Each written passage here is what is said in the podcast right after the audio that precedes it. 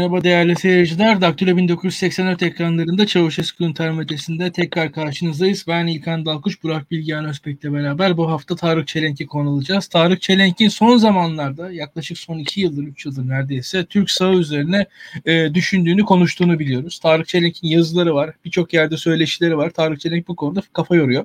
E, Tarık Çelenk'in fikirleri Burak Bilgehan'ı da çok ilgilendiriyor açıkçası. E, ve e, şu da şu da bence önemli. E, Türk sağı, Türk sağının e, devletle olan ilişkisi, Türk sağının devlete verdiği anlam, rol. Biz bunları konuşacağız bugün. bugün.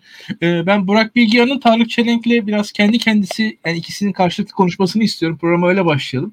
E, Bilgehan sen başla istersen. Tarık Bey ilk soruyu sen sor istiyorum. Evet, Tarık Bey hoş geldiniz. Ee, Hoş bulduk hocam.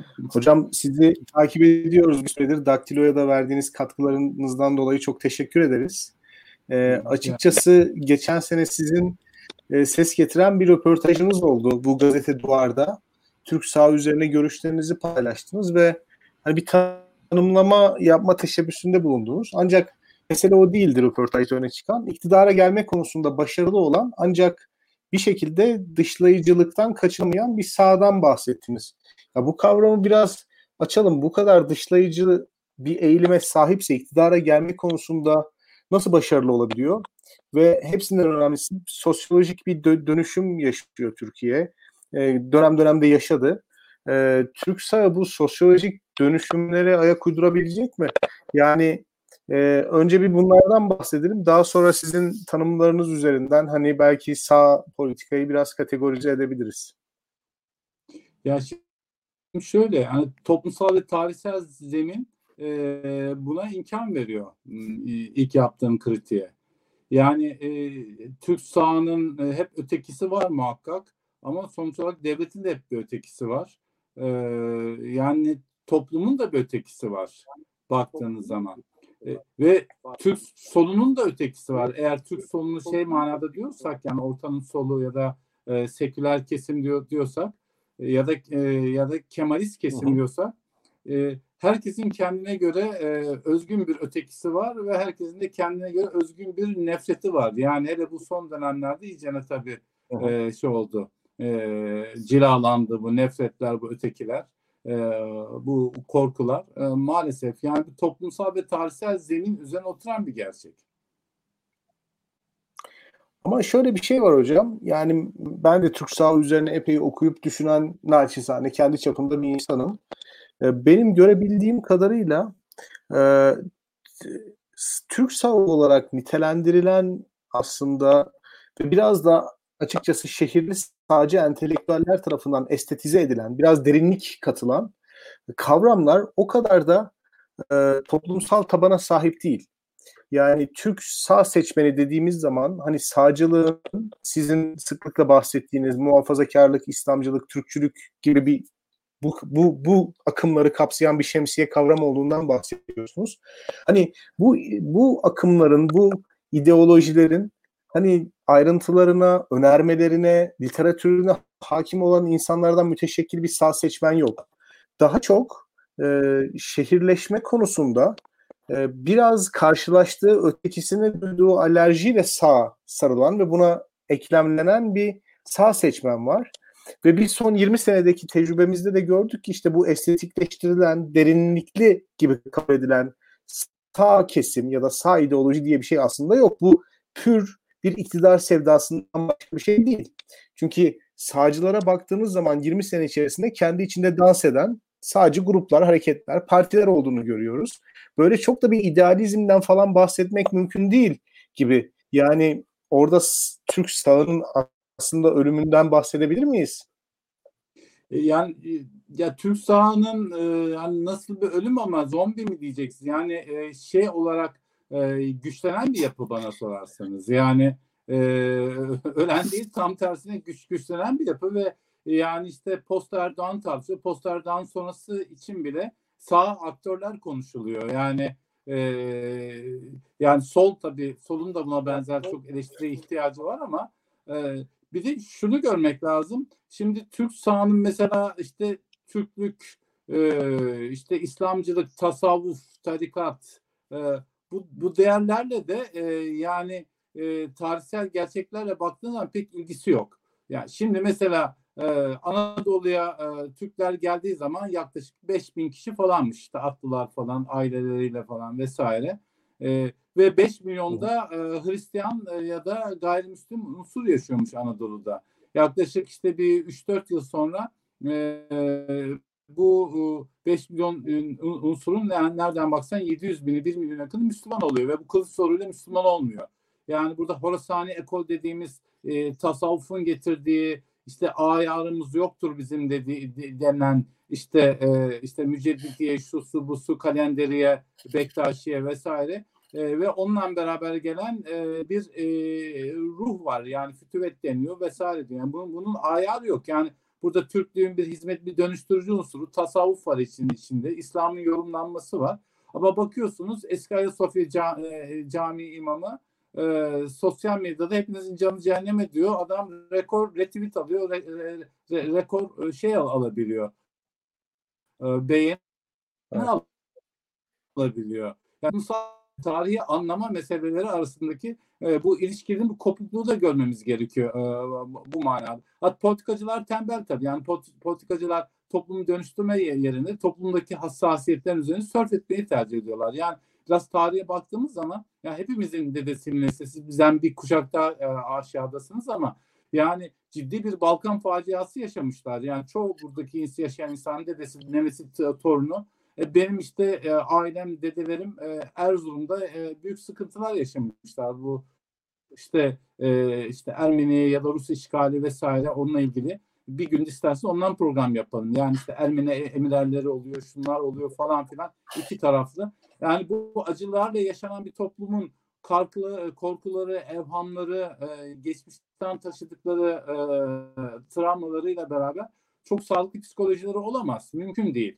E, bir de tabii siyaset dediğimiz şey iki ana kol üzerinden geliyor siyaset. Nereden dersek diyelim e, 31 Mart vakasının sırtına taşıyan bir e, şey var. Fay hattı var e, Türkiye'de. 31 Mart vakası sonra 1914'te 15'te falan İttihat Terakki'ye ciddi direnen işte liberallerle ittifak yapan bir grubun oluşturduğu bir e, fay hattı var ve bunun, bunların bir kısmında fanatizmi var, bir kısmında farklı bakış açıları var. E, bir kısımda İttihat ve Terakki'nin oturduğu en son dönemde ise Tarat'ı konuşacaktık. Yani Tarat'la oluşturulan e, biraz Türkçü, e, konjektürel bir Türkçü, e, korunmacı bir Türkçü. Anladığımız manada Türk değil. Farklı bir e, şey de var. Yani onun üzerine oturmuş bir siyaset var ve bu siyasetin üzerine hatta İttihat Terakki'de de çoğu zaman halktan destek göremiyor. Şikayet de ediyorlar e, bu, bu manada. Yani bunların üzerinde e, yani halkın durumu da çok önemli. Yani bugün işte e, en anti Erdoğan e, hassasiyeti olan bir e, şey bile, e, seküler bir seçmen bile, e, işte e, yakın akra, akrabalarımız falan var eğer HDP'ye yanaşırsa büyük parti şey işte iyi Parti kesin Meral Hanım'a oy vermeyen diyen insanlar var. Yani şimdi bu öteki meseleleri ve öfke e, bu top çok taşımış ama çözüm sürecinde nasıl yumuşadı? E, karizmatik güçlü bir liderin e, işte e, kefaretiyle taşınabildi bir, belli bir noktaya kadar. Kimse de inanmadı buna. Ben çok kötümser değilim ama e, Türk sağ dediğiniz zaten e, bir devlet ideolojisidir e, devlet ideolojisi ve e, taşralı mesleksiz sınıfların e, bir manada Osmanlı Osmanlı sonrası dönemde devlete entegre olmaya, siyasetin hızlı dönüşümüne entegre olma çabalarının bir şeydir. Sivil dinidir bir bakıma baktığın, baktığınız zaman. Yani e, zaten Türkiye'de e, bu manada takdir eder 200 yıldan bu yana doğru düz düşünür yetişmiyor. Doğru düz filozof yok. Soldan da sağdan da yok. Yani bu, bu bunun tabii gölgeleri hem topluma yansıyor, hem aydınlarımıza yansıyor, hem psikolojik olarak da yansıyor. Ee, böyle bir e, sağlıklı olmayan psikoloji üzerinde bir e, tartışma zemini, düşünce ve siyaset üretme zemini yaşanıyor diye düşünüyorum. O, o zaman yani Avrupa sağından çok ciddi anlamda farklılaşıyor. Yani organik bir e, bir durum yok. Yani mesela Avrupa sağının üzerinde yükseldiği muhafazakarlık işte hızlı dönüşüme karşı bazı geleneksel değerlerin muhafazasına dayanıyor. Ve hani en son sağ harekete bakalım, bu yeni sağ harekete bakalım. İşte piyasanın bir şekilde e, verimliliği e, ve piyasa ekonomisinin aslında aileye teşkil etmeyecek şekilde ve toplumun temel değerlerini teş, te, tehdit teşkil etmeyecek şekilde ilerlemesi gibi fikirler ortaya çıkmıştı. E, mesela ulusçuluk düşüncesine bakalım. Bunlar yine sanayileşmenin yarattığı örgütlenme ve organizasyon ihtiyacının sonucu olarak bir şekilde ortaya çıkmıştı. Yani bunların hiçbirisi aslında Türkiye'de yaşanmadı hocam. Yani o zaman bu sağcılık nereden neşet ediyor? Yani niye kendisine sağcı diyor bu insanlar? Ya, çok doğru bir tespit. Yani mesela Avrupa'daki o bahsettiğiniz sanayi burjuvazisi ya yeni yükselen işte o 20. yüzyılın başındaki burjuvazi ya da orta dönemlere yani e, ya da o 1800 yılların sonunda gelişen sanayi devrimi bunlar yani yeni bir kimlik, yeni bir aidiyet üretmek zorundaydılar. Yani uluslararası alanda e, hem sermaye hem yatırım.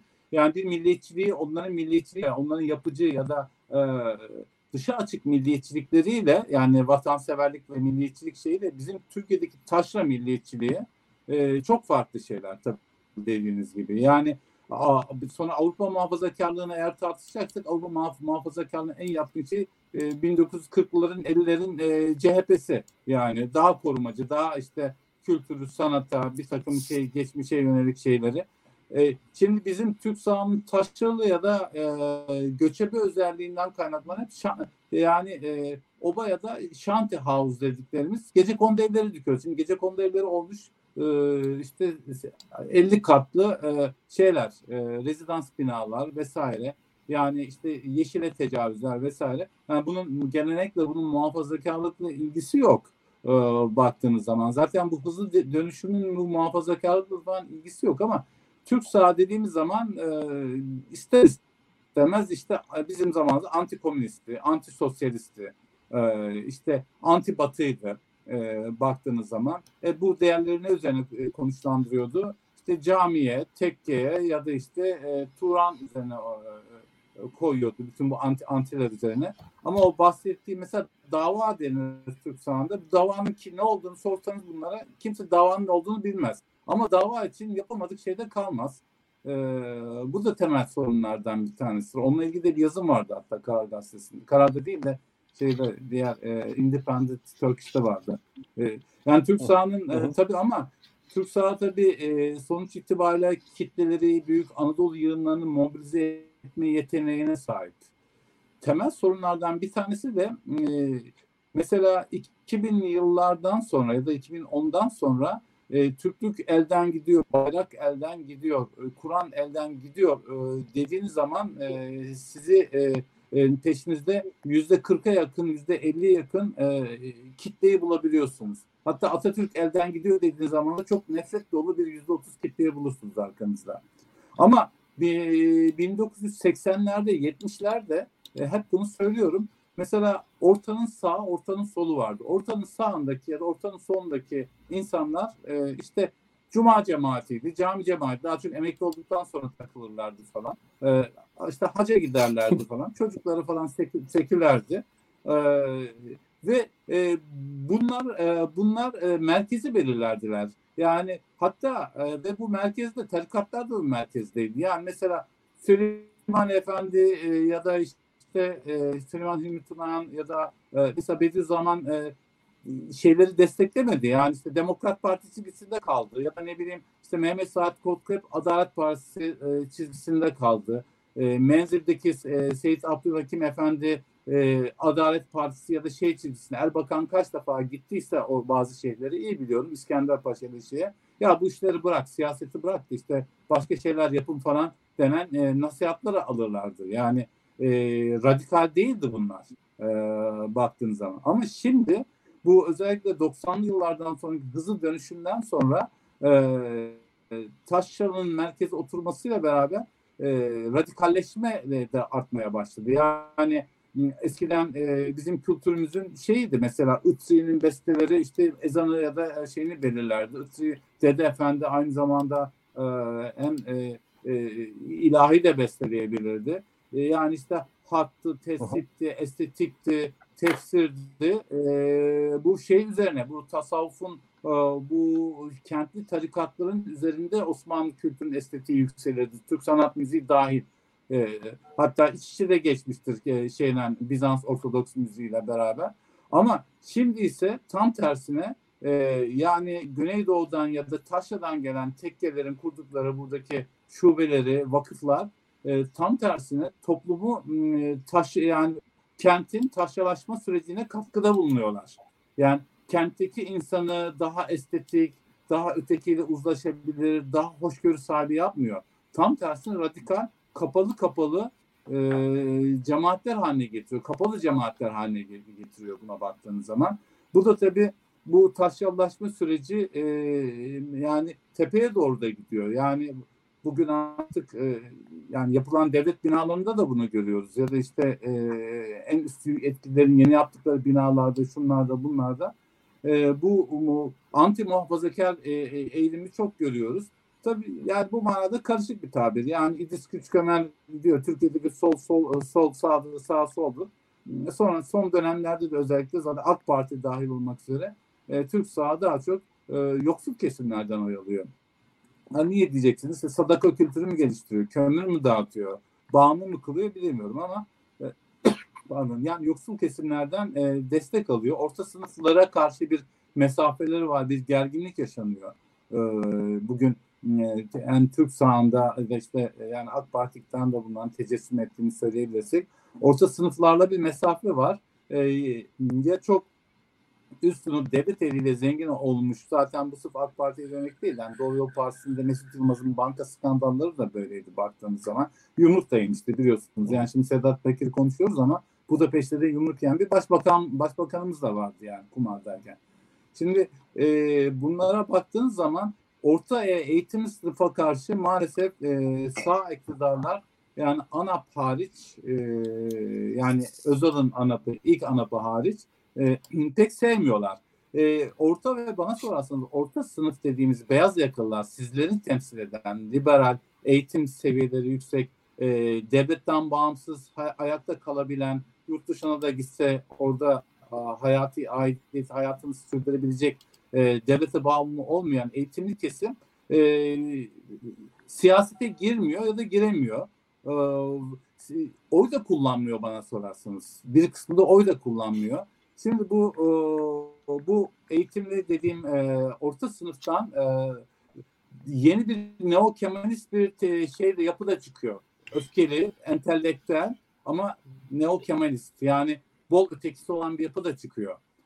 Bu da ayrı bir tartışma konusu. Belki bir programın tartışma konusu. E, onun dışında tabii e, yani bir yoksullar var, bir devlet eviyle zengin edilmişler var.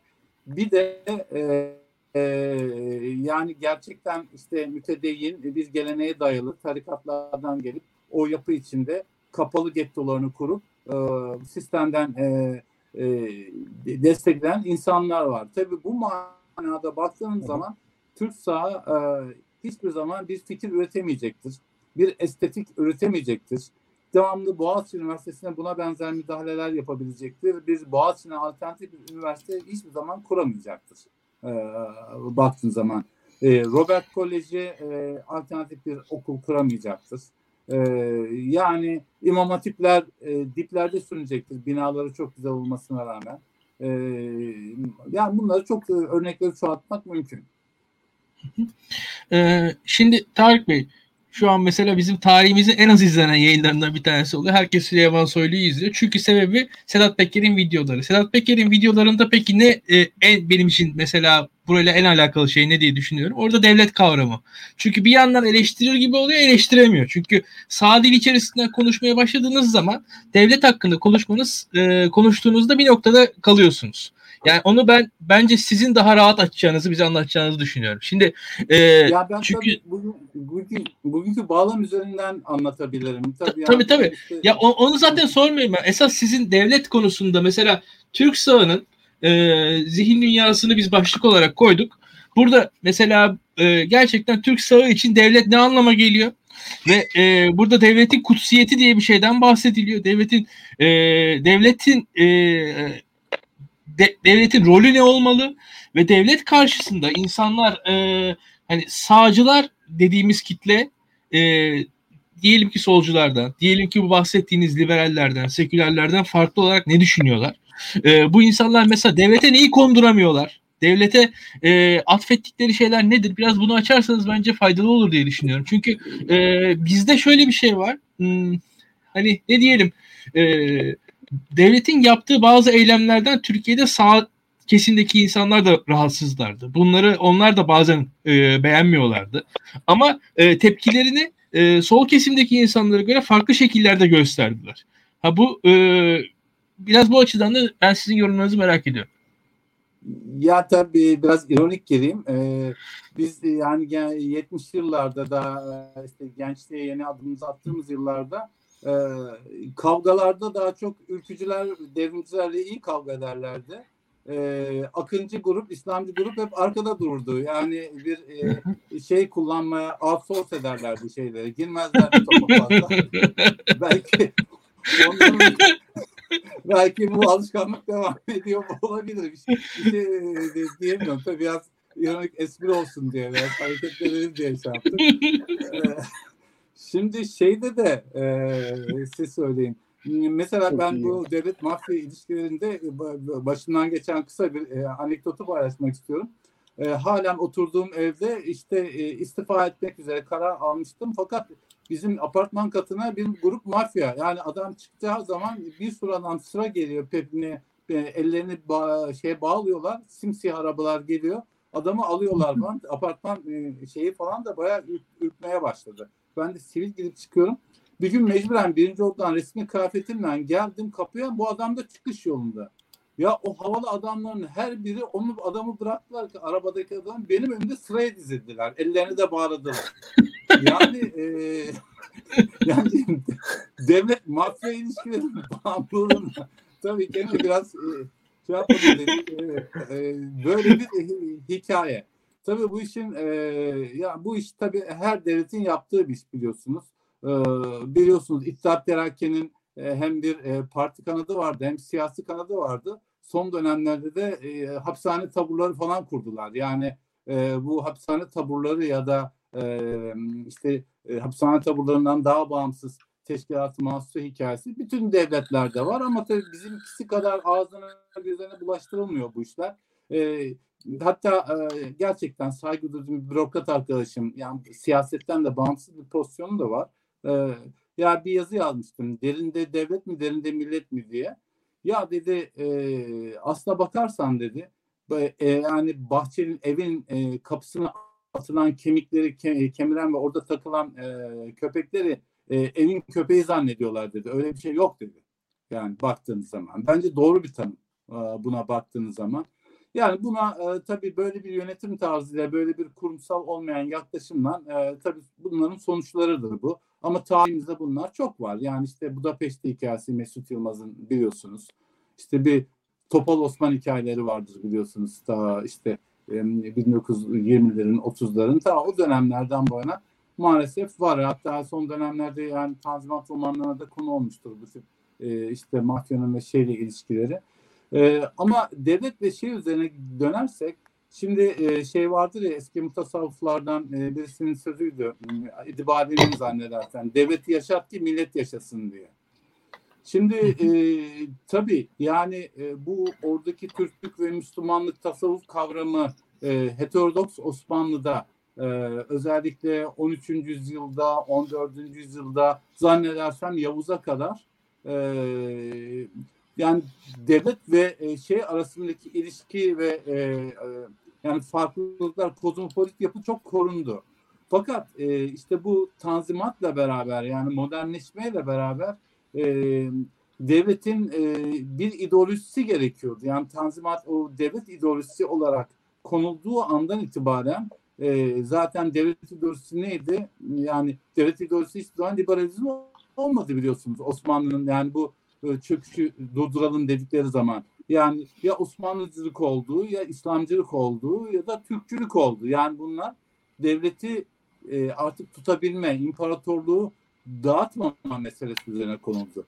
Yani 1918'e kadar e, özellikle Talat'ın beyni ya da Enver ya da e, yani onların tabii takdir edecek yönleri de var.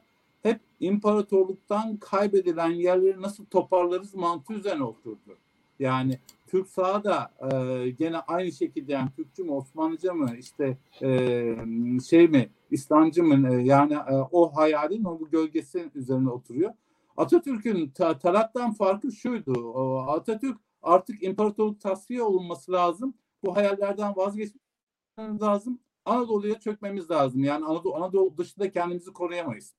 Ee, öyle bir realizmle ona uygun tartışmalı bir e, fazla seküler e, bir Türkçülükle ya da şeyle e, bir sistem üzerine buna sonradan Kemalizm de denildi tabii tartışmalarıyla beraber kuruldu. Yani e, şimdi Talat da aslında bunu gördü zamanla. Yani e, Anadolu'dan başka paçayı kurtarabileceğimiz yer olmadığının sonunda o da geldi. O tehcir meseleleri falan. Bir de biliyorsunuz Türk yurdu diye tanımladılar Anadolu'yu. Onunla ilgili Türk Ocakları'nın ilk kuruluşu, Türk yurdu kuruluşu onun üzerine dayanıyor baktığınız zaman.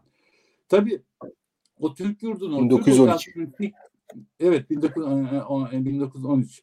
E, e, o Türk ocaklarını, Türk yurdunu be, e, besleyen bir entelektüel kaynaklar vardı. Yani işte Ziya Gökalp, e, işte e, e, Yusuf Akçura, e, ondan sonra Gasperiski'den e, hatta Sultan Galiyev'den de çok ilham aldılar. Yani şimdi oradaki e, Türkçülüğe baktığınız zaman Sultan Galiyev'in Sovyetik e, yani şura demek yani Kur'an'da bir şey. Şura istişareyle oluşan bir Sovyetik sistemden bir Turan sistemi fikriyle Ziya Gökalp'in tabii e, yeni oluşturmaya çalıştığı Ermeni tehcirine de temel oluşturan e, Bahattin Şakirlerin falan oluşturdukları Türk yurdundaki düşünce e, tabii farklıydı. Birbirlerine uymadı. Yani e, biraz işte Ahmet Rıza'nın falan İttihat Terakki'nin kurucularının biraz daha böyle çok sert pozitifist e, yaklaşımları vardı ama yani hepsinde bir kafa, kafa karışıklığı vardı. O kafa karışıklığını e, eylemle kapatmaya çalıştılar. Yani şimdi nasıl dava dava diyorlar ama davanın ne olduğunu bilmiyorlar. E, yani hatta ben buraya not almışım. E, yani kurumsal temelleri yoktu. Devrim, dev, devrimci siyaset pratiği içinde, e, devrimci siyasetin pratiği içinde yolmuşlardı. Yani o dönemin insanları. Şimdi şöyle görüyorum. E, mesela Zeitgeist ya da zaman ruhu diye bir şey vardır ya. Mesela bizim 70'li yıllarda 68 kuşağı da öyle. E, yani e, Blue uçağına geldiğin zaman ya devrimci olacaksın ya ülkücü olacaksın. E, flörtünü, sevgilini aynı e, şey gibi Hamlet'teki gibi seveceksin. Haçlı Seferi'ne giden şöyle gibi bir dava üzerine devrimci kendini öldüreceksin ya da yani e, kavga edeceksin. O senin için bir şeydi. Bu aynı zamanlı ruhunu ben kesin şeyde de görüyorum. Yani bu e, Tanzimat döneminde e, şeye giden, e, işte Fransa'ya giden, Londra'ya giden, yarım amarkeler öğrenen, pek çok şey öğrenmeyen işte e, ondan sonra ve Türkiye'de kalıp da e, gelen e, ıvır zıvır gazetelerle yarım yamalak Fransızca bir şeyler öğrenen insanlarda da o heyecanı görüyorum. Zaten İttihat Terakki'yi de kuranlar onlardı. Yani o, o, o heyecan ben bu 68-70 kuşağının şimdi öyle bir heyecan yok tabii Z kuşağı diyoruz da. Yani ben onları birbirine çok benzetiyorum. Yani İttihat Terakki'nin hala şeye kadar gelebilmiş olmasını bile e, yani 1918'lere kadar falan gelebilmiş olmasını adam gidiyor Sadrazam gidiyor Edirne'de gönüllü savaşıyor. Tarat mesela baktığınız zaman. Hüngür hüngür ağlıyor muhtemelen işte e, şeyle ilgili e, Ermeni tesirindeki operasyonlarla ilgili e, şeyi e, imzalıyor. Yani yaşanan şeylerle sorumlu bir adam. Ama o kadar da ilginç bu adamlar bakın şimdikilerden farkı şimdi e, gerek Ziya Gökalp gerekse Tarat mesela Tarat sadrazam oluyor e, e, fırına hala yürüyerek gidip bir tane ekmek kuyruğuna giriyor şey şey alabiliyor ailesine bakamıyor ya diyor bana diyor pa, e, paşa yani e, şeyi koyuyorsun sivil bir adam ben nasıl gidip yarın öbür gün tekrar iş bittikten sonra e, kıraathanede tablo oynayabileceğim falan. Gerçekten bu manada e, çok idealist. Ya Gökhat da öyle. Yani, e, yani diğerleri de öyle. E, ama şimdi aynı şeyi söyleyenler işte mafya diyoruz ya. Yani Türklük vatan millet adına yani tamam Tarat'ı çok eleştiririz. Onu da çok eleştiririz ama e, bu adamlar belki Frankenstein seviyesinde çok acımasız projeleri de imza attılar. O da ayrı bir tartışma konusu. Ama bu adamlar kendi açlarından bir gram harama bulaşmamış adamlar yani. Ve e, hayatında işte e, yani romantik olarak işte eşinden başkasından şey olmamış falan böyle bir grup insan yani baktığın zaman. Ama şimdi e, bunların gölgesinde e, bir takım işler çeviriyorlar. İşte hani açıklıyorlar e, siz söyleyin. E, işte marina meseleleri falan filan. İşte bir takım siyasi cinayetler meselesi. E, o, oraya da benziyor ama tabii e, tekrar başa dönersek Türk sahanın e, bir devlet ideolojisi olarak başladığı e, ya içine tabii bazı sosyalist unsurlar falan da girmeye çalıştı yani Selanik'te vesaire ama e, sonuç itibariyle e, Osmanlıcılıkta, e, Turancılıkta, Türkçülükte, e, İslamcılıkta buradan başladı ama buradaki zenginleştiren bu e, e, Alyans mektepleri var bildiğim kadarıyla. İsra, Alyans İsrail mektepleri var. Hem Edirne'de var hem e, Selanik'te var. Bunlar e, mesela Talat'tı, e, Celal, şey bizim 3. Cumhurbaşkanı orada buna benzer adamlar orada okudular ve orada Batı ile teması öğrendiler. Çünkü oraya orası yarı Siyonist mekteplerdi. Dili orada öğrendiler. Mason orada oldular. Çünkü Masonluk gizli bir cemiyette işte istibdat bu, iç, içeri giremiyordu ve bunlar e, bunlar e, seküler bir manada, iktidar manasında e, İslamcılığı, Türkçülüğü, o, Osmanlıcılığı hep kullanmaya çalıştılar. E, zaten e, Türk sahanın asıl bana sorarsanız mesela e, en sağlam tiplerinden Mehmet Akif hatta Elmalı Hamdi Yazır gibi adamlarsa bu seküler süreçten hiç geçmedi. Yani Elmalı Hamdi Yazır'a e, ya Kur'an tefsir yap denildiği anda ya bir ben Kur'an tefsiri yaptığım için Fransızca bilmiyorum, Fransızca öğrenmem lazım. Felsefe bilmiyorum, felsefe e, tarihini öğrenmen lazım. Daha bir buçuk yıl müsaade istedi. Fransızca, Fransızca öğrendi ve e, Fransa'daki en önemli felsefe kitaplarının bir tanesinin şerhini yaparak Osmanlı'ya çevirdi. Ondan sonra Hak dini, e, şey, Kur'an dini, e, pardon galiba onun evet Hak dini, Kur'an dinine geçti. Yani şimdi Türk sahandaki e, bu sivil geçişler çok zor. E, Türk sahanda ee, yani model olarak baktığınız zaman bir devlet ideolojisi. Yani devlet ideolojisi ne oldu? Mustafa Kemal Atatürk'le beraber e, Türkçüler, İslamcılar e, sistemden dışarı kaldılar. Liberaller her zaman kalıyor zaten. Onlar, onlar da e, standart o, o grupta. Zaten Şevket Süreyya Aydemir'in bir hapishane metaforu vardır. Orada muhakkak bir liberal vardı. Bir tane işte tarikat şeyhi vardı. Bir tane e, şey vardı. E, suyu arayan adamda e, Yahudi e, banker vardı ve bu, bu süreçte e, yani ilk Kemalist dönemde böyle oldu ama demokratların döneminde ondan sonraki dönemlerde ister istemez e, yani Türk sahanın e, ideolojik tabanı ister istemez e, faal oldu. Yani e, en azından fikirleriyle ortada kaldılar. İktidara gelemese, gelemeseler bile. E, yani işte Kürt sorununa diğer bakışta daha irrendentelist takılalım. Bence Kemalizmle e, ilk dönem taratizm belli oranlarda hep rekabet içinde oldu şeyde. E, siz söyleyin. 1950'lerden, 60'lardan, 70'lerden e, sonra. Bana sorarsanız şimdi artık Kemalizmi açtık. E, taratizme geldik belli bir dönemde. Taratizmi de şu anda açtık. Envelizme doğru giriyoruz yani. E, öyle bir e, işin şeyi var. E, ironik yeri var. Dış politik açısından daha, daha, daha değişik bakımdan. Bence bugünkü Türkiye siyasi tarihini öğrenmek için, anlamak için tabii sizler bu işlerinde e, yani direkt içinde arkadaşlarsınız. E, son modernleşme tarihimizden hiçbir şey bağımsız değil. Yani ittifaklar bakıyorsunuz 1912 seçimlerine girerken e, İttihat Terakki nasıl devlerim değişti. Ne bir Hürriyet Partisi, bilmem ne partisi hepsi e, blok halinde giriyorlar. Bunların bunlara olmasın da memleket kurtulsun falan tarzında. Yani bugünlere benzeyen çok şeyler tarihimizde var ve çok daha zengin bir demokrasi tarihi var aslına bakarsanız. E, 1908 hatta 1880 yani Tanzimat'tan bu yanaki mücadelelerde falan. Ama e, yani bu devlet ideolojisi e, meselesi e, yani devlet için işte bu İttihat Terakki'den de kaynaklanıyor zamanla. Bu işte Milliyetçi Hareket Partisi'ne falan da daha çok e, kaynaklanıyor ya baktığınız zaman. Yani e, devlet için feda etmek kendimizi. E, halbuki şeye baktığınız zaman bu m, Amerikan devriminin fikir babalarından e, İngiltere'den Amerika'ya gitti de şimdi, e, şimdi ismi hatırımda değil. Mesela o Amerikan Anayasası'nın tamamen temelini devlete karşı baş kaldır üzerine, devlete karşı haklarını korumak üzerine koruyor. Yani bu anayasanın temel şeylerinden bir tanesi. E şimdi tabii e, bizde e, mesela merkezden örgütlenen bir e, yapımız var. Yani Ruslar da öyle, Slavlar da öyle. Slavlar merkezden örgütleniyorlar ama en azından teknoloji alanında falan bilim adama yetiştiriyorlar. Yani felsefe manasında e, olmasa bile. Bizde de merkezden örgütleniyoruz. Merkezden örgütlenme geleneğimiz var. Ee, bana sorarsanız o merkezden örgütlenme geleneği özellikle Abdülhamit döneminin ortasından e, İttihat Terakki'nin 1914'e kadar getirdiği dönem arasında bayağı bir zedelendi yani. Bayağı bir e, ademi merkeziyet süreçleri yaşandı, tartışmalar öyle bir deneyimi Türkiye yaşadı bana sorarsanız. Yani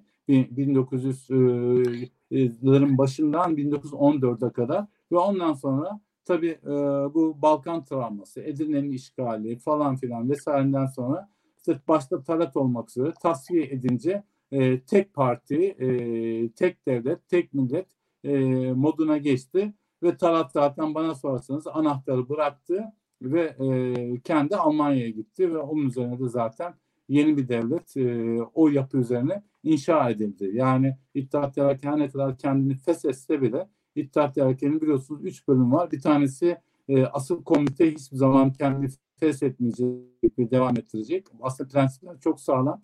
Her ne kadar e, yani İtalyan Carbonari Mason örgütü ve biraz Rus İngilizlerinin disiplinini as, alsalar bile bir üçüncü kısmında daha derin yapılar ve onlar her zaman e, bence Osmanlı bürokrasisinde e, 1940'larda, 50'lerde, 60'larda çok etkililerdi. Yani e, Celal Bayar bile e, zannediyorum Taratbaş'ın eşiyle 1955 mi 60 mı bir yerde karşılaşıyor. Ekselanslarına rahmet okuyorum falan kalkıyor falan ya nasıl siz Cumhurbaşkanısınız nasıl böyle yaparsınız falan dediği zaman o da diyor ki o bizim her zaman ebedi şefimizdi diyor. Yani iddiatla, iddiatçılardaki bu bağ işte bu Türk sahanın devlet geleneğinin bir kısmını belirliyor. Yani Türk sahanın devlet geleneğinin, iddiat terakinin bu disiplinin e, var diyebiliriz. Hatta e, yani Kemalist devlet geleneğinden de iç içe giriyor baktığınız zaman.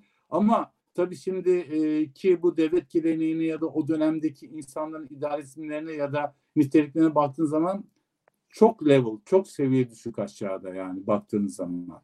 E, çok düşük seviyelerde bir e, hem fikri bakımdan hem de e, o geleneği devam ettirme olduğunu iddiasında olan insanlar açısından, mukayese açısından çok daha gerilerde gözüküyor. E, artık yani tabii e, yani Çetin Altan'ın o zamanlar hep devamlı şeydi mesleksiz yığınların çok yoğun olduğu bir Anadolu. Yani mesleksiz yığınları e, özellikle köyleri değil ama köylerde de bir topraklı e, kültürü var. Topraklı kültürün bir felsefesi, bir asaleti vardır. Dikkat etseniz biz taşyalı diyoruz, köylü demiyoruz. Yani kasabalı diyoruz. Kasabalar ise e, e, şeylerin mülkiyetinizin olmadığı, daha çok devlete bağlı olduğunuz işte ya da ona memur olarak yaşadığınız ama dış dünyaya çok kapalı olduğunuz e, ve aynı zamanda değerlerinizin de ister istemez yıprandığı bir alan bu alan üzerinden, e, bu devlete bağımlılık üzerinden yeni Türk saat teşekkür ediyor. E, daha doğrusu milliyetçilik, İslamcılık, milli görüş hareketinin e, tabanı. Bu, bu grubu kasaba dediğimiz alan aynı zamanda Almanya'ya, Fransa'ya işçi olarak taşınıyor. Onlar orada daha kapalı bir getto kurdu. Daha da geri kalıyorlar yani onların bakışta tarzına baktığınız zaman. E, maalesef gene Türk sahanın e, bu manada işte daha böyle entelektüeli falan da işte Galatasaray Lisesi'nden mezun olan, Robert'ten mezun olan, Boğaziçi'den mezun olan adamlar e, fikir üretiyorlar. Ya da işte soldan falan dönen insanlar bu manada fikir üretiyor.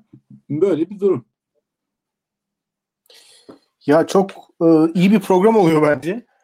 E, bizim Çavuşescu'nun e, termometresi tarihindeki önemli programlardan bir tanesi. Hocam önemli de bir şey söylediniz. Bu romantizm ve akılcılık ikilemiyle Türk sahanın devlete bakışı arasında aslında bir ilişki var. Çünkü e, benim anladığım kadarıyla sizin saydığınız Türk sağ fraksiyonların aslında modern anlamda devletçilikle çok ciddi problemleri var. Çünkü o modern anlamda sadece kanuni çerçevesini işletme ve onu uygulama kapasitesine yaslanan, meşruluğunu oradan alan bir devlet yapısı var. Bu devlet yapısının e, aslında milliyetçilikle uyuşmadığı alanlar da olabilir. E, çünkü eşit vatandaşlık temeli üzerine yükselir. Milliyetçilik zaman zaman bunu reddeder. E, üstelik uluslararası sistemin gerçeklikleriyle de çok barışıktır. E, bu bakımdan Burak hem İslamcı şey hem milliyetçi... sana. Affedersin sen bir cümle. Aha. Ee, ben Tabii. iyi hatırlıyorum. 98'de mi 99'da mı mesela Milli Güvenlik Kurulu çok etkili olduğu dönemde Kırmızı Kitaba bir ikinci sırada girmişti tehdit olarak. Aşırı Türk milliyetçiliği Kırmızı Kitaba Tabii. ikinci sırada tehdit tabii, olarak. tabii hocam, doğrudur. o dönemde. Doğrudur. Ee, yani böyleydi. Ee, çünkü e, devletçiliğin rasyonalitesi milliyetçiliği oldukça romantik kabul etme eğiliminde. Yani ideoloji kavramını başlı başına zaten kuruluş felsefemiz oldukça popülist ve romantik bir eğilim olarak kabul ediyor. Dolayısıyla devletin rasyonel karar verme süreçlerini bozabilecek hamleler olarak yaftalıyor. Bunları olabildiğince yasaklıyor.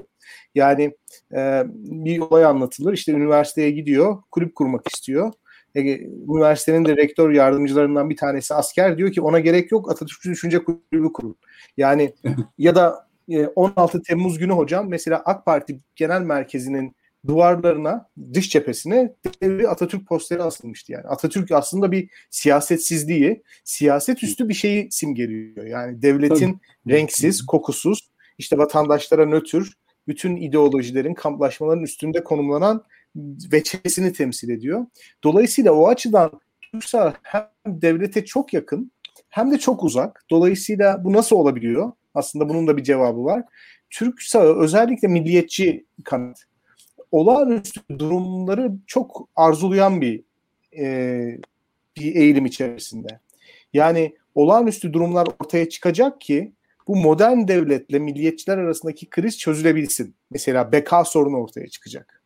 Ya da işte e, komünizm tehlikesi ortaya çıkacak. Terör tehlikesi ortaya çıkacak ki milliyetçilerin o 99 yılında Milli Güvenlik Kurulu tarafından ilan edilen işte güvenlik tehdidi olma sıfatı bir anlamda kaybolsun. Onlara ihtiyaç doğsun ve milliyetçilikle devletçilik birbirine yakınlaşsın. O yüzden milliyetçilerin en büyük arzusu bence normal zamanların yaşanmaması. Yani normal zamanlar olduğu zaman milliyetçilik devletçilik de olabildiğince ayrışıyor çünkü. E, fakat benim orada kafamı kurcalayan konu İslamcıların bu konuda ne düşündüğü. Çünkü İslamcılık da aslında modern devlete çok eleştirel yaklaştı. Açık konuşmak gerekirse. Ancak İslamcılar kendilerini bir anlamda yıllarca e, çok da merkez siyasetin içerisinde gizlemeyi başarmış gibi gözüküyorlar. Yani devletle çok uyumlu çalışmışlar, devletin içerisinde yer almışlar, bürokrasinin içerisinde yer almışlar. Mesela İslamcı mafya diye bir şey yok. Yani Hı. ülk- ülkücü mafya diye bir şey var. Ee, ama İslamcı mafya diye bir şey yok. Ülkücülerin Var, var. devlete İslamcı girişi var. aslında Var Burak Hocam var. Artık- Ee, e, bi- yo, Artık- biliyorum, artık yo, var. şimdi için demiyorum eskiden de yani bu çek senet işlerini iste- bahsetmiyor. Çok meşhur bir e, cemaat yapıyordu o zamanlar. Ee, Ya yani doğru- cü- doğrudur. cübbeleriyle Bilmiyordum bunu. falan yani evet. evet. bilmiyordum bunu ama yani şöyle bir şey. Mesela İslamcılığın kendisini de biraz gizleyebildiğini düşünüyorum. Yani merkez sağ siyasetin içerisinde. O mesela devleti, yani milliyetçilerin yaşadığı, devletle yaşadığı krizi İslamcılar pek yaşamadılar mı? Bu konuda ne düşünüyorsunuz? Ya şimdi e, şu var yani şu anda şu, şu mevcut durumda İslamcılık, ulusalcılık, e, milliyetçilik hatta Tatça milliyetçiliği diyeyim. Bunlar hatta Kemalizm bunlar e, çok iç içe geçmiş durumda. Sen, sentezde olamazlar da yani e, yani bir bir geçici bir birliktelik, simbiyotik bir ilişki yaşıyorlar. Yani e, şimdi bir İslamcıya bakıyorsun işte var isim vermeyeyim şimdi ya da cübbesiyle dolaşıyorlar falan. Yani e, bundan Kemalist bir söylem işlebilirsin. E, ya da ne bileyim işte e, yani evrensel olan dinin bizdeki e, Ermeniler, Sırplardaki evrensel olan e, çok popüler bir cami başım ama hepinizin canı cehenneme diye biliyor. Yani şimdi e, yani bir din e, ya da bir tarikat e, bir insanlığa kapısını kapatır da ondan sonra e, ulusalcılığa geçiş yaparsa e, ya bir de sorun şu. Yani İslam 1980'li yıllarda e, mecburiyetten çok bir entelektüel şey alanları vardı. Yani ama bu İran devriminin etkisi vardı tabii. Bana sorarsanız gelenekten kopmuşlardı. Yani bir şeyler yapmak istiyorsanız yani, yani Yani mesela Türk milliyetçiliği ilgili ben burada samimi söylüyorum ya da İslam adına bir şey yapmak istiyorsanız milliyetçiliğinizi bırakmadan, Müslümanlığınızı bırakmadan ya da, ya da e, tasavvuf eleştireceksiniz. Ehli tarikliğinizi bırakmadan e, ciddi bir şeyler yapabilmeniz lazım. Gele, geleneğe de saygı duyarak. İşte bunları bırakıp işte İran'dı, şuydu, buydu yani çok uçtular o, o dönemlerde. Ondan sonra belediyelerle beraber eski arkadaşlardan falan bu İslamcıların savruk insanların hepsi e, nefeslendiler. Yani işte e, kooperatiflere, evlere, güce sahip oldular. E, işte e, 94'te başladı bu, bu hikaye. E, o zaman liberallerle ittifak falan kur, kurdular. E, ama AK Parti döneminde beraberse siyasetin içine girdiler ve devlet ve devletin içindeki bazı e, eskiden kalma yapılar bunları kendine dönüştürdü yani Türkçesi. Yani bana sorarsanız ama e, şöyle Türkiye'de... şöyle bir şey yok mu hocam? Mesela yani milliyetçiler çok olağanüstü zamanları severken İslamcılar daha böyle olağan dönemlerde kendi tabanlarını genişlettiler gibi bir şey söyleyebilir miyim? Yani benim aklıma o geliyor. Çünkü İslamcıların olağanüstü zamanlarda milli güvenlik krizleri döneminde ya da beka gündemi döneminde aslında çok ihtiyaç yok bu insanlara. Yani milliyetçiler var, ülkücüler var, Türkçüler var. Şimdi bu dönemlerde biraz önce de ifade ettiğiniz gibi aslında ön planda cephede olan grup ülkücüler Türk saha içerisinde. Ama Türkiye'nin normalleşme süreçlerine baktığınız zaman mesela Özal Türkiye'sine baktığınız zaman yani Türkiye'de ya da Avrupa Birliği reformlarının yapılmaya başladıktan sonraki döneme baktığınız zaman İslamcı bir şekilde güç kazanıyor. Yani İslamcılıkla milliyetçilik arasında böyle bir fark olabilir mi acaba? Yani İslamcılık ve milliyetçilik bu e, yani şey bir konu. Şimdi İslamcılık e, İslamcılığın e, fikri ve kültürel bir zemini Türkiye'de olduğunu düşünmüyorum. Yani İslam İslamcılık e, İslamcılık sadece işte bir dava diyoruz ya hep konuşmayan dava ne olduğunu bilmeyen yani tam tanımlanamayan e, epistemik de bir şey karşılığı olmayan bir dava üzerine e, yani rahmetlik Erbakan bir mühendis grubunun oluşturduğu ve sonradan da güçlenen bir dava. Yani e, ne oldu? Biz çok ezildik. E, her türlü araçla e, İslam'ın hakimiyetini kuracağız. Yani e, işte gerekiyorsa medya, gerekiyorsa yargı, gerekiyorsa şu bu. Yani İslamcıların her birinde e, bu, bu FETÖ'de dahil bu vardı. Yani bu bu bu işte e, memleketin e, bir kahtırical kavramı vardır biliyorsunuz. Kahtırical kavram yani e, evet. e, milletin e, makamlarına farmasonlar oturmuşlar, dönmeler oturmuşlar. İşte adam Nobel ödülü alıyor falan filan. Bizim gerçek insanımız oturamıyor. Ee, ve gerçek insanımız buraya oturması lazım. Kafalarını, gözlerini kıra kıra oturtacağız. Yani şimdi bu e, bunun ancak psikolojik açıklaması olur. Bunun bir felsefi açıklaması olamaz. Yani bence psikoloji burada e, felsefeden olmaz. daha çok belirli evet. bir şey.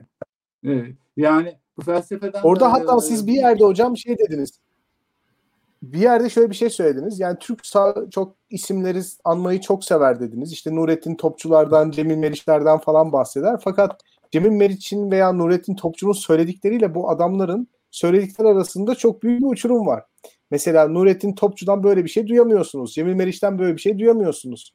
Ama yani onları çok anan insanların haklısınız da Nurettin Topçu bugün yaşasaydı, Cemil Meriç yaşasaydı, Mehmet Akif yaşasaydı, hatta Saydın yaşasaydı sizlerden falan daha çok e, sert bir muhalif olurlardı. Köşelerde e, e Olurlar, şeyler muhtemelen. yaparlardı.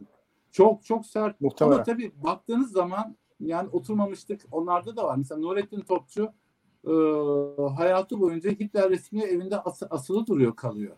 E, yani e, bir Alman hayranlığı yani yani Türk sahandaki yani İslam'dı, Türklüktü, milliyetçilikti, batılı manada, burjuvazi manasında da felsefi manada hiçbir zaman oturmadı ki. En iyisi Nurettin Topçu. Yani mesela Fransa'ya gidiyor hala arayışta Paul Molla'yla kardinal, kardinal olan Paul Molla'yla e, o da kilitli önemli bir e, medrese halinde sonradan kardinal oluyor. Ondan defalarca istişarelerde bulunuyor. Ondan sonra Masingon'dan defa istişare geliyor buraya ve e, biliyorsunuz Abdülaziz Bekkin'e önemli bir Nakşi şeyhidir. Mehmet Saat Kotku'nun şeyhidir. Ondan yakın hı arkadaş, ondan manevi olarak çok şey alıyor. Öğrencilerini götürüyor ona. Ona aynı zamanda Hitler ismi duruyor tabii evde. Ee, ona aynı zamanda o kadar öğrencilerini falan götürüyor. Çok değerli bir insan, tabii önemli bir insan.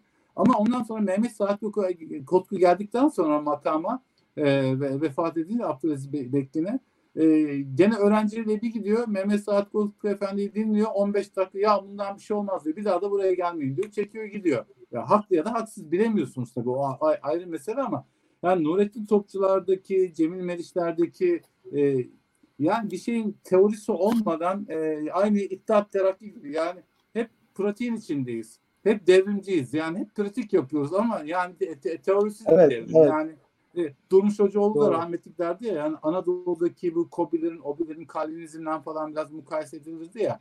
Yani gerçekten mesela Tokat'taki, Konya'daki e, küçük orta büyük işletmelerde hem bir aile kültürü vardır hem antikapitalizm eğilimler vardır hem sanat vardır hem gelenek vardır yani.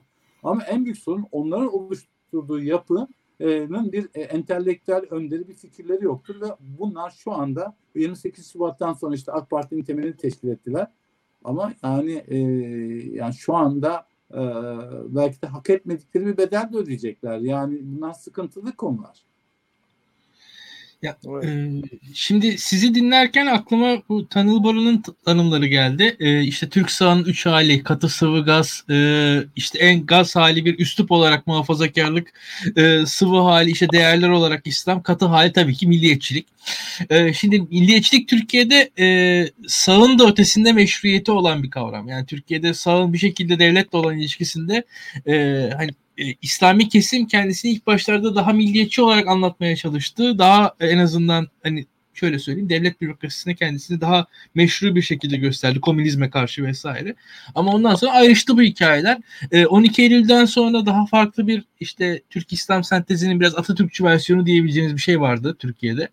E, bu zaten işte Türk Tarih Kurumu, Türk Dil Kurumu falan onlar dönüştürüldü. Orada başka bir e, yani ben kendi adımı işte Burak Bilgehan'la falan e, ders kitaplarında gördüğümüz e, bir şey e, bir anlatı ortaya çıktı diyebilirim.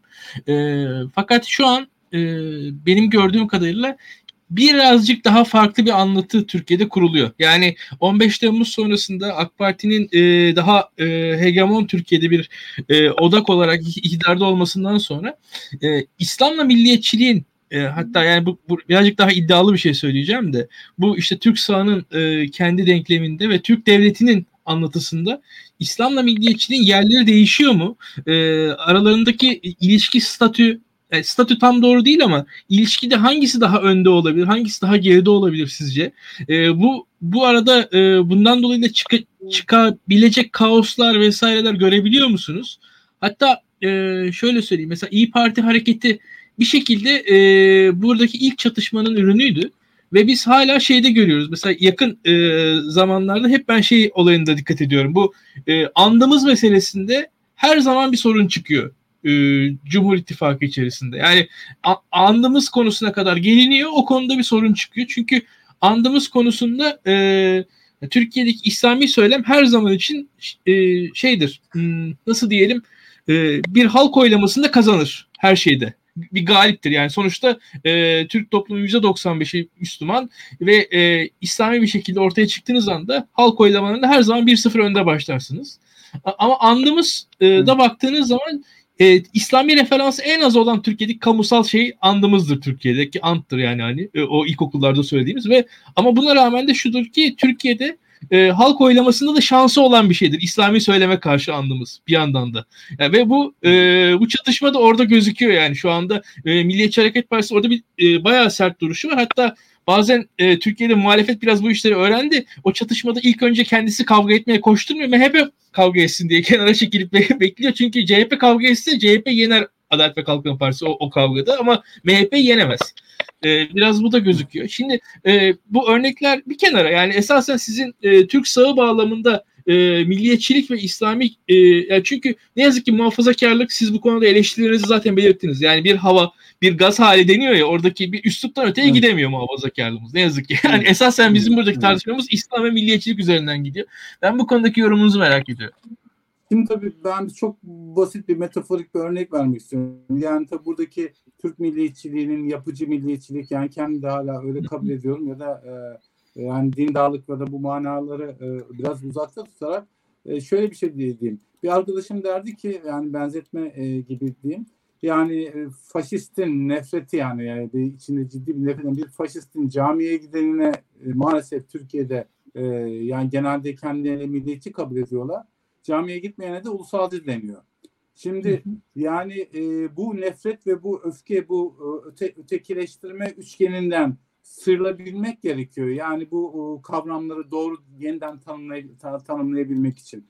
Yani buna bu manada baktığınız zaman e, yani bu Türkiye'deki bu popüler manadaki İslamcılıkla e, bu milliyetçiliği bu manada anlaşılan taşra milliyetçiliğini e, ve hatta e, neo Kemalizmle belli oranda e, yani aynı ve zaten bunlar bir bakıma baktığın zaman çok geçmişe baktığın zaman aynı yapıdan doğan şeyler. Yani birbirlerini tanıyorlar yani derler yani genetik olarak tanıyorlar. Yani zaman zaman işbirliği yapmaları da tabii bir şey baktığınız zaman. Yani bu tamamen işte e, yani Osmanlı modernleşmesinin Osmanlı o modernleşme sistemindeki düşüncelerin maalesef şey ürünleri, yan ürünleri bunlar baktığınız zaman. Yani bir Osmanlı modernleşmesinin tabii çok güzel yönleri var ama e, bir başarısızlık hikayesi de var. Bu başarısızlık hikayesinden dolayı bence bu Türk düşünce sistematiğini falan işte sizler gibi arkadaşlar Türkiye'nin değişik yapısında e, yeniden inşa edilmesi lazım. Yani bu, bu manadan bir defa düşünülme diye bir şey yok. Mesela bir arkadaş bana diyor ki sen arada bir, bir gazetede yazıyorsun. Çok da güzel okuyoruz ama abi diyor o gazeteyi CIA finanse ediyor. E nereden biliyorsun CIA finanse ettiğini? Ondan sonra ya işte Amerika muhalifleri finanse ediyormuş falan filan. Yani sen yazı şimdi böyle bir mantıkla baktığın zaman kimseyle yani böyle bu düşünme yok yani kimseyle konuşma şansın ol, olamıyor. Bir defa Türk sahanda e, en önemli şey konuşma zemininin oluşturulması gerekiyor. Ben bunu e, Tabii. ekopolitik deneyiminde çok gördüm. Konuşabilecek çok değerli insanlar var işte. Mesela Türk Ocağı'nın e, üst düzey yöneticileriyle konuştum. E, ne bileyim işte Türk Milli Ülkücü grubunun üst düzey insanlarıyla konuştum. Alperen grubunun konuştum. İşte Kürtlerden çok konuştum falan. Ama genelde şu da vardır. Yani bir kısmı aman biz gel e, özel konuşalım bizim konuşamadıklarımızı konuşuyorsun. Bir kısmı da ciddi bir mahalle baskısına tabiler bunların. E, ve bir kısmı da bunu e, göz göre göre mesela Musa Serdar Çelebi ile Ahmet Türk e, gözüne yumruk yemişti. Gittik e, evinde ziyaret ettiğimiz zaman Musa Serdar Çelebi'nin karşılaştığı tepkiler vesaire. Yani bunu en az bizim kadar gören e, çok değerli insanlar var yapının içinde. Ama e, yani bir mahalle baskısı meselesi var. E, yani bir de tabii e, linç yeme durumu çok kolay. Yani bu linç yemek e, illa e, yani Türk milliyetçi hassasiyetini taşıyan e, daha lümpen kitle tarafından değil. Yani Kemalistlerden de anında linç yersiniz. Yani hiç kurtaramazsınız bu yapacağı. Mümkün değil. Yani bu o, maalesef bu bizim en büyük açmazlarımızdan bir tanesi baktığın zaman. Evet. Yani bence iktidarla olan ilişki arasından. Şimdi bakın mesela biraz geriye gittiğimiz zaman e, Hristiyanlıktaki ve İslam'daki mezheplerin e, ve siyasi ayrılıkların Şia dahil olmak üzere yani teolojik ağırlıkların, itikadi ağırlıkların en temel nedenleri siyasidir. Güç ve iktidar çatışmalarıdır. Yani Peygamber Aleyhisselam'dan sonraki anlaşmazlıklar da hep güç ve iktidar çatışmalarından sonra mezhepler doğdu, işte e, yeni yapılar doğdu ya da Hristiyanlık da aynı şekilde papalığın e, farklı mezhepleri gelmesi. Şimdi e, siyaset nasıl e, yeni fraksiyonları, e, yeni ayrımları doğru, do, doğuruyorsa, eğer bu devlet odaklı yapılıyor, tepeden inme yapılıyorsa, bence aynı şekilde siyaset bazı birbirine zıt gibi gözüken ittifakları da doğuruyor. Yani bu şeyde de evet. yani son Osmanlı siyasi tarihinde de e, bunu görebiliyorsunuz. Yani adamlar boğaz boğaza geçse suikast yapmışlar. İşte İttihat Terakki, Hürriyetçi, itirafçılarla falan. Ondan sonra son, son dönemde işte tekrar birleşmişler ya da Ermeni Taşnak Yunan e, Tarakbaşı arkadaşlar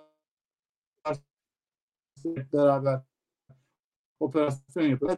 Yani çok romantik bakmamak lazım. E, yani siyasetin ve çıkar ilişkilerin e, insanları bir araya getirebildiğini ya da ayırt, ayırabildiğini, bunu temellendir ve gerekçelendirebildiklerini de hem pozitif hem de negatif manada görebiliyoruz. Evet. Ee, yavaş yavaş galiba programın sonuna geliyoruz. Hocam bu linç kültürü derken aklıma Cemil Meriç'in Ötüken'den kitap basması hadisesi geldi. Onu da 70'li yıllarda epey eleştirmişler. Hatta Jurnal 2'de zannedersem onunla ilgili çok yakınıyor sağa sola böyle yani böyle bir ülkede bir düşünceyi yeşerir mi? İşte kitabın nereden bastınız, hangi matbaadan çıktı, içinde ne yazdığınızdan daha çok ilgi çekiyor falan diye. Maalesef burada böyle bir şey var. Biz de daktilo olarak bundan çok muz, muzdaribiz.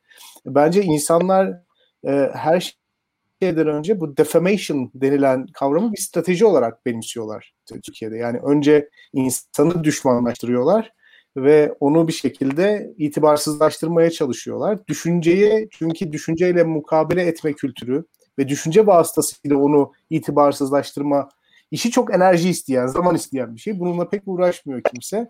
Maalesef hani böyle e, hoşnut olmadığınız sesleri kalabalık toplayarak bastırma kültürü var. Bu kabilecilik yani en basit tabiriyle. Ve kabileciliğin olduğu yerde de ne kadar progresif bir fikir adına yaparsanız yapın bunu kabilecilik. Kabileciliğin olduğu bir yerde de herhangi bir kamusal tartışma yürümüyor. Biz de işte kendi meşrebimizce bunu bir şekilde ilerletmeye çalışıyoruz. Çünkü şöyle bir şey var hocam günün sonunda. Ee, iktidardan size saygı olmasını bekle, bekleriz, biz bekleriz ama bunu bekliyorsanız eğer öncelikli olarak sizin yükümlülüğünüz diğer insanlara karşı saygılı olmaktır. Yani siz bu sorumluluğu yerine getireceksiniz ki iktidarın size saygılı olmasını bek- bekleyesiniz. Siz eğer her hoşunuza gitmeyen fikri linç ediyorsanız başınızda otoriter eğilimi olan bir iktidarı da görmeye hak ediyorsunuz anlamına gelir.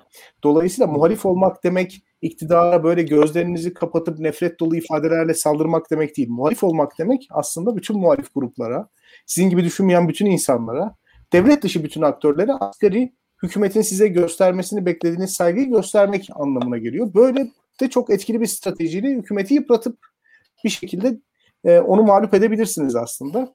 Bir türlü bizim muhaliflerimizin maalesef aklının almadığı nokta bu. Böyle davranan insanları büyük bir ahlaki zafiyet içerisinde değerlendiriyorlar maalesef.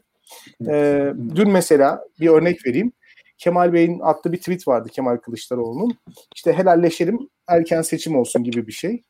E, bir saat sonra da TKP lideri galiba böyle çok daha sert ne helalleşmesi sizi yargılayacağız falan gibi bir şey. Şimdi mesela insanlar Kemal Kılıçdaroğlu'nu eleştiriyorlar. Tabii TKP lideri sosyal medyada çok alalarla, valalarla karşılanıyor ama yani şöyle bir hadise var. Kemal Bey'in üslubu aslında muhaliflere başarıyı getirecek. Yani bir sonraki seçimde başarılı olmalarını sağlayacak yumuşaklıkta ve ikna edicilikte bir üslupken ötekinin üslubu ömür boyu Tayyip Bey'i sonsuza kadar iktidarda tutabilir.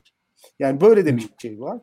E, çünkü o sizin söylediğiniz ötekilik meselesi çok önemli. Pratik ederek bir ideoloji ortaya çıkıyor. Maalesef Türk sahada e, hakikaten ötekisini bulup onun üzerinden bir siyasi e, oy verme davranışı veya siyasi destek gösteriyor.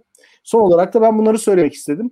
E, İlkan'ın ekleyeceği bir şey var mı? Sizin ekleyeceğiniz bir şey var mı bilmiyorum ama benden ben kısa, bu kadar. E, şunu etkiliyorum. Yani benim gördüğüm e, yani kapalı olan e, bir toplulukta eğer birey kendini kapatıyorsa dış dünyaya, e, kendi çevresine yani tek kanal, tek şey. Ben şunu gördüm. Çok e, katı sağ e, düşüncede olup da Kanada'ya giden e, ya da yurt dışına giden orada iş yapan insanlarda e, gene yani adam e, işte zekatını, namazını falan kılıyor, eşit tesettürü falan ama e, çok vizyonlarının değiştiğini gördüm. Yani e, bizim Tabii. taşralılığımız, bizim kapalılığımız bizim fanatizmimize yol açıyor.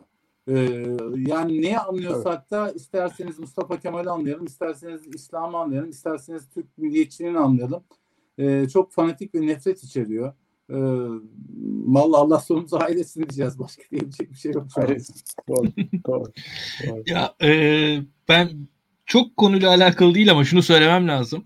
Ee, bu kadar sert muhalefet söylemlerinin bir de çağrışımlarına bakmak lazım. Siz o sert söylemi ortaya koyuyorsunuz ama mesela o sert söylem sizin güçlü olduğunuzu değil güçsüz olduğunuzu hissettiriyor insanlarda. Mesela e, birazcık da mesela Türkiye'deki e, mesela sağ partilere bakalım. Sağ partiler güçsüz oldukları zamanlarda da güçlüymüş gibi konuşurlar. Yani şu an yüzde birlik sağ partinin bir konuşma tarzına bakın. Böyle ülkenin sahibiymiş gibi konuşur. Zaten sağın özelliği biraz böyledir.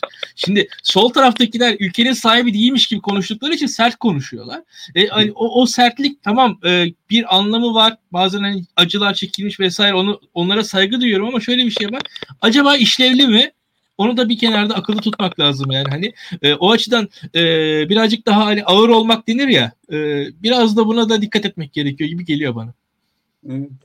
yani mesela Kemal Bey Hilal Kaplan'ı arıyor ya da ne bileyim işte tanınmış bir İslamcı yazarın vefatında çiçek gönderiyor. Tepki gösteriliyor. Bence en doğru yanım yani ateşe nefrete su döküyor. Bence de yani doğruyu, yap, doğruyu o yapıyor bana sorarsanız. Ya, biraz e, şey tarafı var o işlerin. Yani e, güçlü olan aslında kendinden şüphesi olmayanın tavrı biraz böyle oluyor. Yani daha güçlü olduğunuz zaman daha kudretli konumdan yapılan hareketler onlar esasında. Yani e, halbuki o tarz şeylere takılacak olan insanlar daha zayıf konumdaki insanlardır gibi geliyor bana. Evet. Evet. Neyse e, sanırım bu gecelik bu kadar diyeceğiz. E, bir saati geçti yayınımız. E, Tarık Bey ile muhtemelen gelecek haftalarda da tekrar görüşürüz gibi geliyor bana. E, arkadaşlar biz e, bugün gündemin pek peşinde koşturamadık. E, bu gecelik bizi en azından affedin diyelim bu açıdan. E, daha teorik bir yayın oldu. E, gelecek haftalarda görüşmek üzere. İyi akşamlar. İyi akşamlar. İyi akşamlar. Thank you. Thank you.